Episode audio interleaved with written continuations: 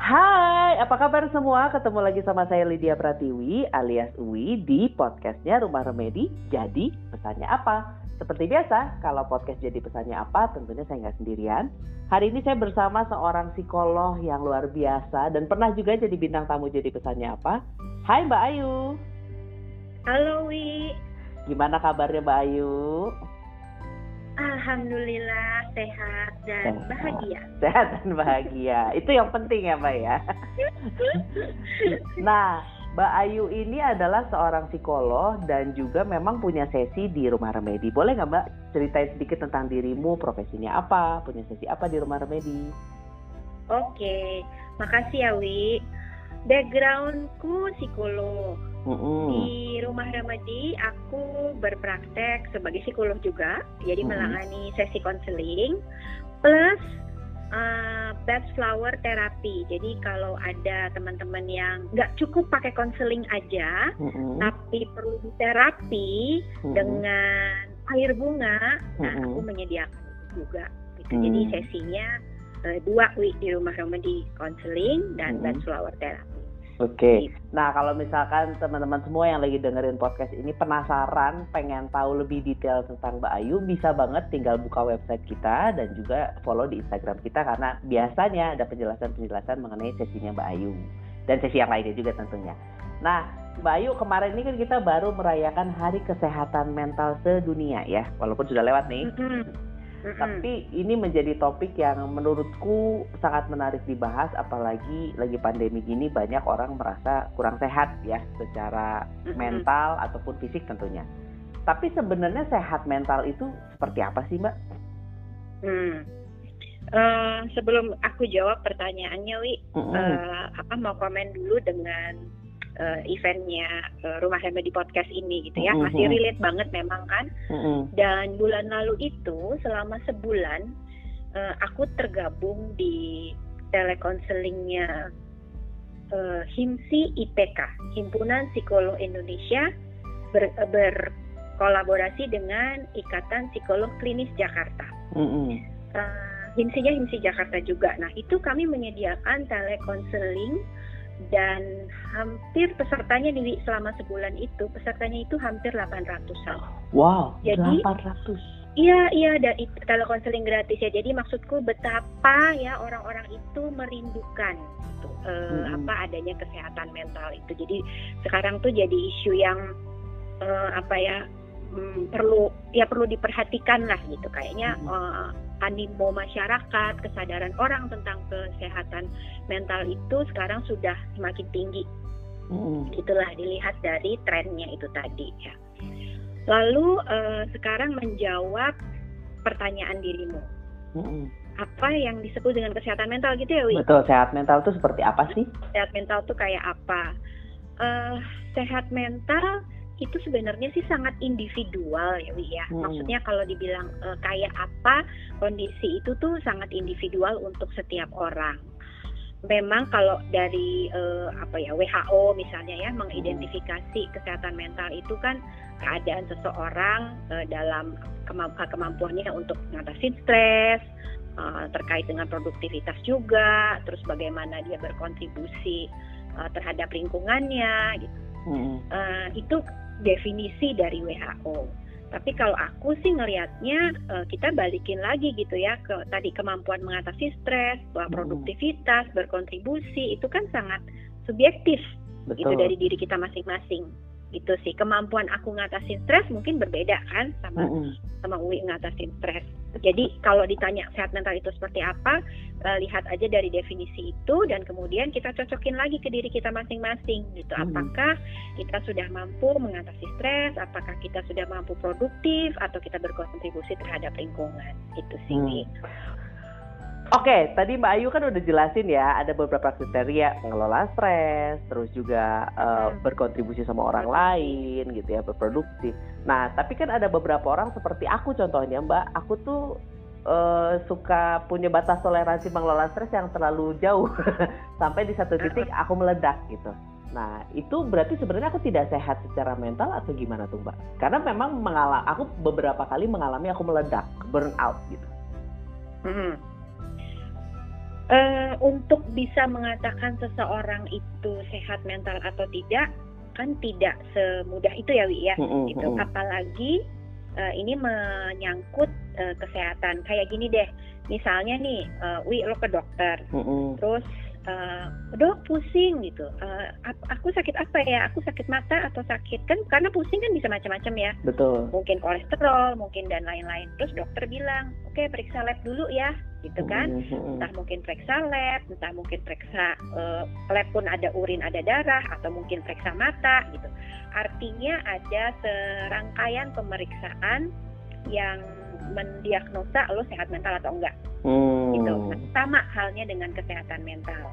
Jadi kalau mau ditanya gue sehat mental atau enggak, gue nggak bisa jawab, Li. Hmm. Gitu nggak bisa jawab karena as a professional kita punya uh, ada metode observasi dan wawancara lah gitu untuk menentukan mm-hmm. seseorang itu untuk mendiagnosa gitu. Mm-hmm. Tapi kalau tidak sampai ke sana, maksudnya eh, nggak uh, perlu menegakkan diagnosa gitu ya, mm-hmm. ya kita lihat aja apakah lo masih bisa function apa enggak Hmm. Itu aja sih yang gampang ya. Hmm. hmm, hmm. Oke. Okay.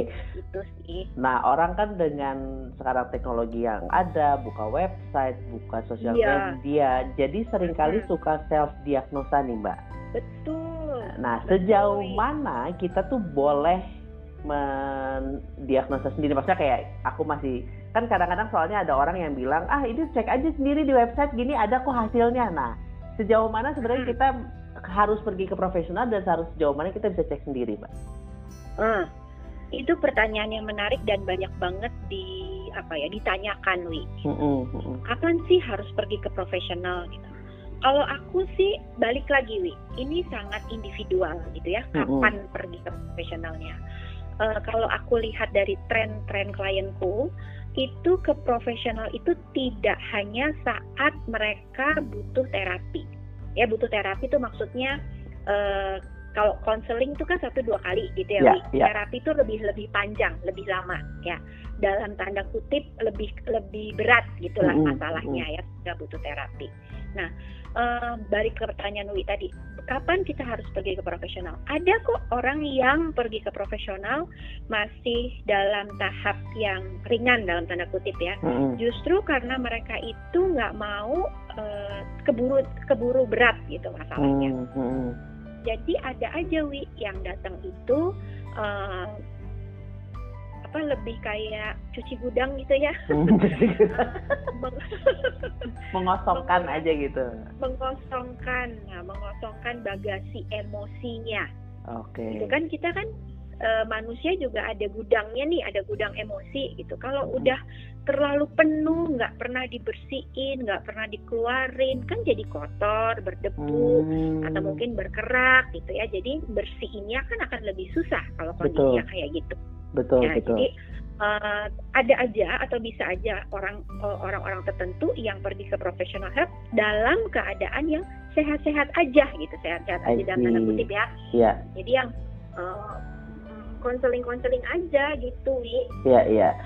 Berarti dengan kata lain, sebenarnya mengecek kesehatan mental kita sama halnya seperti kita nggak lagi ngecek ke dokter gigi gitu ya. Gitu kita berarti ya. boleh boleh nge-setting berkala dong kalau maksud maksudku ya. Karena ya. itu kan jadi lebih sehat. Aku ngedengar penjelasan Mbak Ayu, aku jadi mikir, oh berarti sebenarnya baik dong konseling dengan rutin gitu. Oh iya, iya, oh. iya. Uh, bener wi.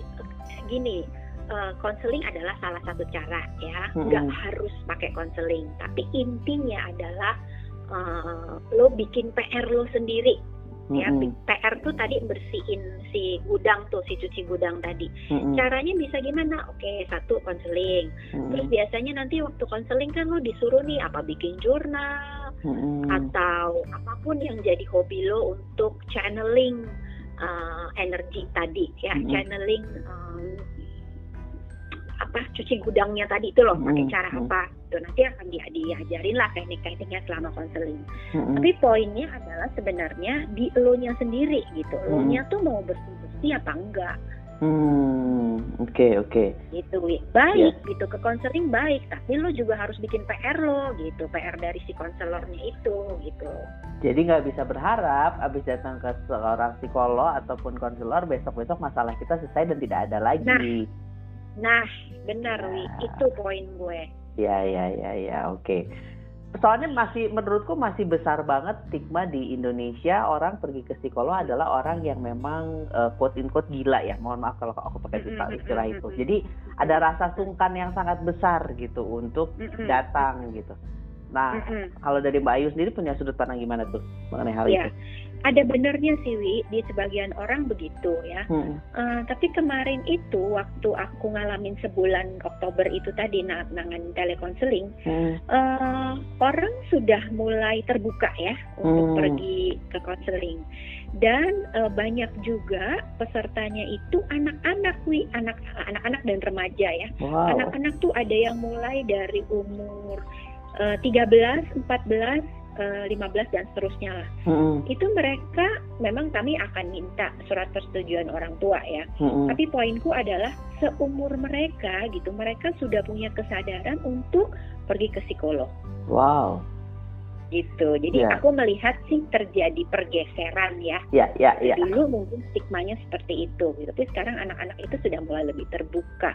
Mm dan banyak juga klienku yang uh, tadi ya misalnya 17 gitu 16 itu mereka minta mereka yang minta jadi bukan orang tuanya yang suruh oh. mereka yang minta mm -mm.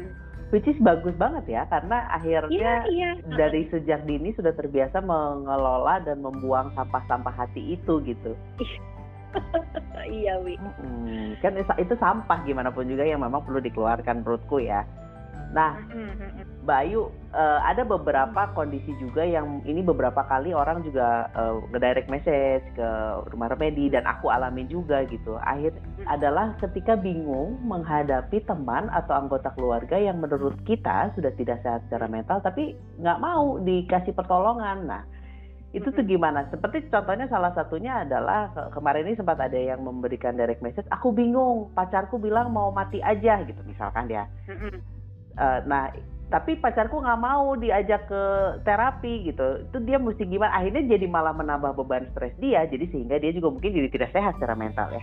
Nah gimana sih cara-caranya supaya kita bisa memberikan bantuan juga sama orang yang terlihat membutuhkan bantuan? Hmm. uh, kita perlu fokus sama diri kita sih jadi okay. uh, eh, apa yang bisa kita lakukan gitu ya bukan hmm. apa yang orang orang itu seharusnya begini orang itu seharusnya begitu gitu. hmm. orang itu seharusnya pergi ke konselor orang itu seharusnya pergi ke psikiater gitu karena kita kan nggak bisa mengontrol apa yang uh, orang lain mau lakukan hmm. gitu. daripada kita ya kan kita juga perlu menjaga kesehatan kita sendiri ya hmm. jadi daripada kita mengontrol atau berharap pada sesuatu yang di luar uh, kapasitas kita uh, mari kita berpikir lebih ke dalam apa yang bisa kita lakukan. Hmm. Itu jadi misalnya tadi uh, apa ada teman yang kayak gitu ya apa yang lebih bisa lo lakukan apakah misalnya memberi saran dan kalau lo udah kasih saran dan udah nggak bisa ya udah gitu itu you do your part hmm gitu. Jadi kita juga kita bukan Superman kan, yeah. uh, bukan Superwoman gitu. Jadi kalau memang sudah uh, melakukan apa yang menjadi bagian kita ya udah kita lepaskan uh, keinginan kita untuk uh, mengontrol orang lain. Oh. Kalau enggak nanti kitanya juga yang jadi stres. Seperti lo bilang oh. tadi kan? Iya iya iya. Berarti intinya sebenarnya gimana pun juga balik lagi fokus pada kesehatan diri sendiri dulu. Sama kayak di pesawat selalu kasih masker iya. buat diri sendiri dulu ya. Benar, benar Wi, benar karena kalau ini pengalaman aku pribadi juga gitu uh, ini jadi lebih beda curhatan aku ya gitu. Tapi maksudku mudah-mudahan relate ya, dengan yang mendengar ya mendengar podcast ini mungkin relate gitu. Terkadang ada sindrom-sindrom ingin menolong yang berlebihan itulah yang membuat kita jadi malah mengesampingkan kesehatan mental kita sendiri. Berharap dengan yang kita lakukan itu bisa memberikan kesehatan. Jadi gimana sih? Dengan aku nolong kamu ya aku juga sembuh padahal nggak gitu konsepnya gitu ya ya, ya, ya. balik lagi ke diri sendiri. Nah, Mm-mm. kalau dari Mbak Ayu sendiri ada nggak sih uh, tips-tips, apalagi kita masih pandemi, walaupun mudah-mudahan akan segera berakhir, ada nggak sih tips-tips Mm-mm. supaya kita setidaknya bisa menjaga kesehatan mental kita? Hmm. Wah, kalau tips ratusan gitu. Buat aku uh, poinnya empat sih Wi ya okay. ada eat uh, ini semua berakhir dengan well ya. Eat hmm. well uh, move well think well and act well. Jadi makan jadi apa yang kita nutrisi uh, gerak hmm. berpikir hmm. dan bertindak. Gerak ini lebih ke exercise ya maksudnya. Hmm. olahraga. Empat itu sih. Ya olahraga ya olahraga apa pun ya. Hmm itu terus eat itu bukan hanya makanan dan minuman tapi juga uh, informasi. Hmm. apa pun yang kita masukkan gitu ke dalam badan kita ya makanan minuman informasi itu juga perlu dijaga. Hmm. tuh misalnya itu yang eat uh, aku nggak dalam kapasitas membicarakan makanan dan minuman yang baik gitu ya karena yeah. itu bukan lihatku gitu. Intinya sih empat itu sih wi. Hmm, hmm, hmm jadi ya olahraga olahraga makan uh, membatasi media sosial juga berarti ya membatasi yes. informasi uh -huh. dari teman-teman yeah. juga gitu ya yeah. berarti benar banget ya dengan istilah kita itu perlu memilih perling lingkungan kita tuh benar banget karena dengan berarti kan kalau penjelasannya Mbak Ayu tadi ketika kita dikelilingin orang-orang yang setiap hari ngeluh yang setiap hari hmm. dia bikin kita jadi stres ya itu sebenarnya sumber stres kita gitu jadi kita yang perlu pergi dari situ gitu Gini, ada dua pilihan sih kalau aku. Hmm, hmm. Selama lo nya cukup kuat hmm. itu untuk menghadapi uh, apa suasana yang seperti itu ya katakanlah hmm. toksik gitu ya, Wi ya. Hmm, hmm. Selama lo nya cukup kuat dan kalau lo bisa justru menjadi uh, terang. Agak berat ya ini ya, jadi terang. Katakan lo, lo yang menjadi, lo justru yang me, menjadi justru yang lo menularkan uh, positif di positifnya, dan it's okay gitu. Tapi kalau lo merasa lo nya terlalu berat gitu tugas lo di situ ya udah tinggalin gitu hmm. sih Oke, so balik lagi seperti statement Mbak Ayu pertama banget tadi tentang mengukur kemampuan diri sendiri ya. Karena hmm. karena kesehatan mental ya kita yang tahu kita sehatnya sejauh mana, kita juga yang tidak. tidak yang kita yang tahu juga sejauh mana kita tidak bisanya gitu. Jadi tentang Benar. mengenal diri sendiri banget dong sebenarnya kesehatan mental. Banget, Wi, banget oh, banget. Okay. Uh, eh, memang ada pengukuran dari uh, profesional ya. Tadi ada observasi, ada hmm. wawancara, ada juga kita disuruh ngisi tes gitu. Mm-hmm. Nah, tapi ngisi tes pun sebenarnya kan sifatnya sangat subjektif ya, Wi ya. Mm-hmm. Ya kan kalau lo ngisi kuesioner nih, mm-hmm. itu lo isi misalnya seberapa happy lo atau misalnya seberapa sih pikiran lo tuh dipenuhi kecemasan skala 1 sampai 5 gitu. Mm-hmm. Kan again itu balik lagi ke subjektif. Mm-hmm. gitu meskipun itu sebuah pengukuran kuantitatif ya sebuah mm-hmm. pengukuran yang valid gitu. but again balik lagi itu pengukurannya pun sebenarnya itu subjektivit subjektivitas banget kan mm-hmm. Ya selain subjektif juga tergantung kondisi di hari itu dia iya, terlalu banyak betul. faktor lain ya apakah udah makan betul. atau belum saya pernah ngisi psikotes lagi lapar kan jadinya nggak bisa ngisi dengan maksimal gitu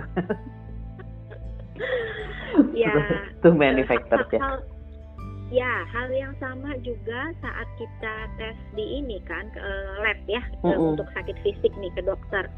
Kan hasil hari ini belum tentu sama dengan hasil bulan depan. Betul, betul. Nah, ini juga menarik nih.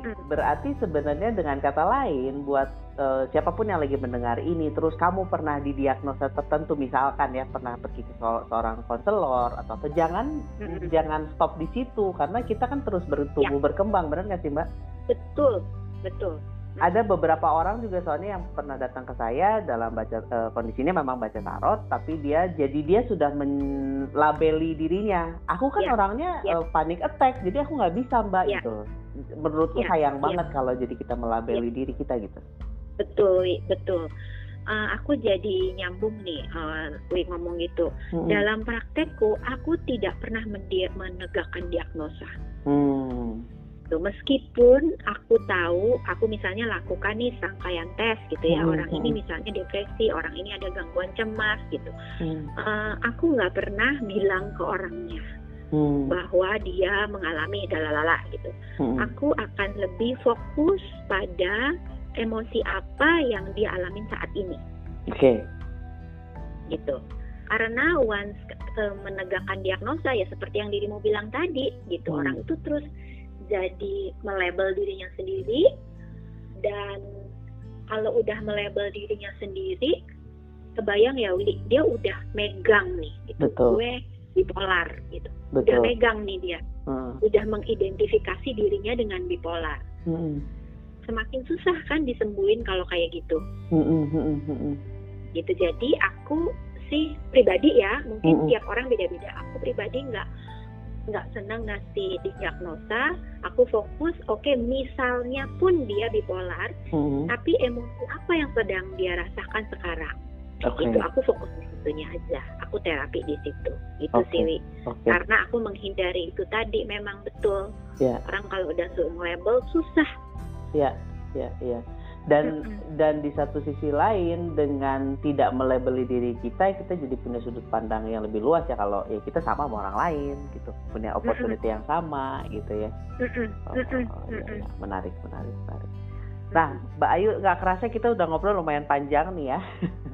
Kalau berhubung kita sama eh, kita lagi di podcastnya jadi pesannya apa so aku pengen tanya Mbak Ayu. Dari obrolan kita tadi menurut Mbak Ayu apa sih pesan yang pengen Mbak Ayu sampaikan Ah, oke. Okay. Ini pesan yang uh, untuk menjaga kesehatan mental berarti ya, ya betul, ya? Betul. Ya, menjaga kesehatan mental itu buat aku seperti minum vitamin, hmm. bukan minum painkiller. Oke. Okay. Ya, minum vitamin itu kan berarti tiap hari ya Wi ya, hmm. untuk menjaga supaya kita nggak sakit. Hmm. Gitu kan? Kalau minum painkiller kan kita udah sakit, terus kita minum painkiller mm-hmm. gitu. sembuh nggak minum painkiller bisa iya bisa enggak mm. gitu bahkan sering kali karena penyakitnya udah lama minum painkiller hanya um, mengobati simptomnya aja mm. painnya aja tapi mm. sumbernya nggak ketahuan mm. terus semakin kita pengen cepet-cepet sembuh semakin nggak sembuh-sembuh juga orang penyakitnya udah lama banget gitu karena painkiller apa uh, udah ber apa ya bercokol gitulah mm-hmm. jadi makin frustrasi udah penyakitnya lama mau cepet sembuh pakai painkiller ternyata nggak sembuh juga udah muter aja di situ mm-hmm. jadi uh, pesannya apa pesannya jagalah kesehatan mental seperti kita minum vitamin gitu mm. setiap hari sedikit sedikit mungkin hanya satu tablet satu tablet Uh, tapi itu dipakai untuk mencegah kita supaya kita tidak keburu sakit, unquote gitu. Wah. Oke, okay, thank you banget Mbak Ayu pesannya benar-benar jelek banget ya di hati dan semoga buat semua yang ngedengar ini juga bisa mendapatkan pencerahan mengenai kondisi kesehatan mental. Sekali lagi kalau pengen punya sesi dengan Mbak Ayu, Mbak Ayu punya sesi konseling dan juga bah terapi flower ya Mbak ya di yep. Rumah Remedi bisa tinggal langsung menghubungi Rumah Remedi atau buka websitenya rumahremedi.com. Thank you so much Mbak Ayu. Nanti kita ngobrol-ngobrol lagi di podcast berikutnya ya. Sehat selalu. Sehat, Saya Lydia Pratiwi pamit. Dadah.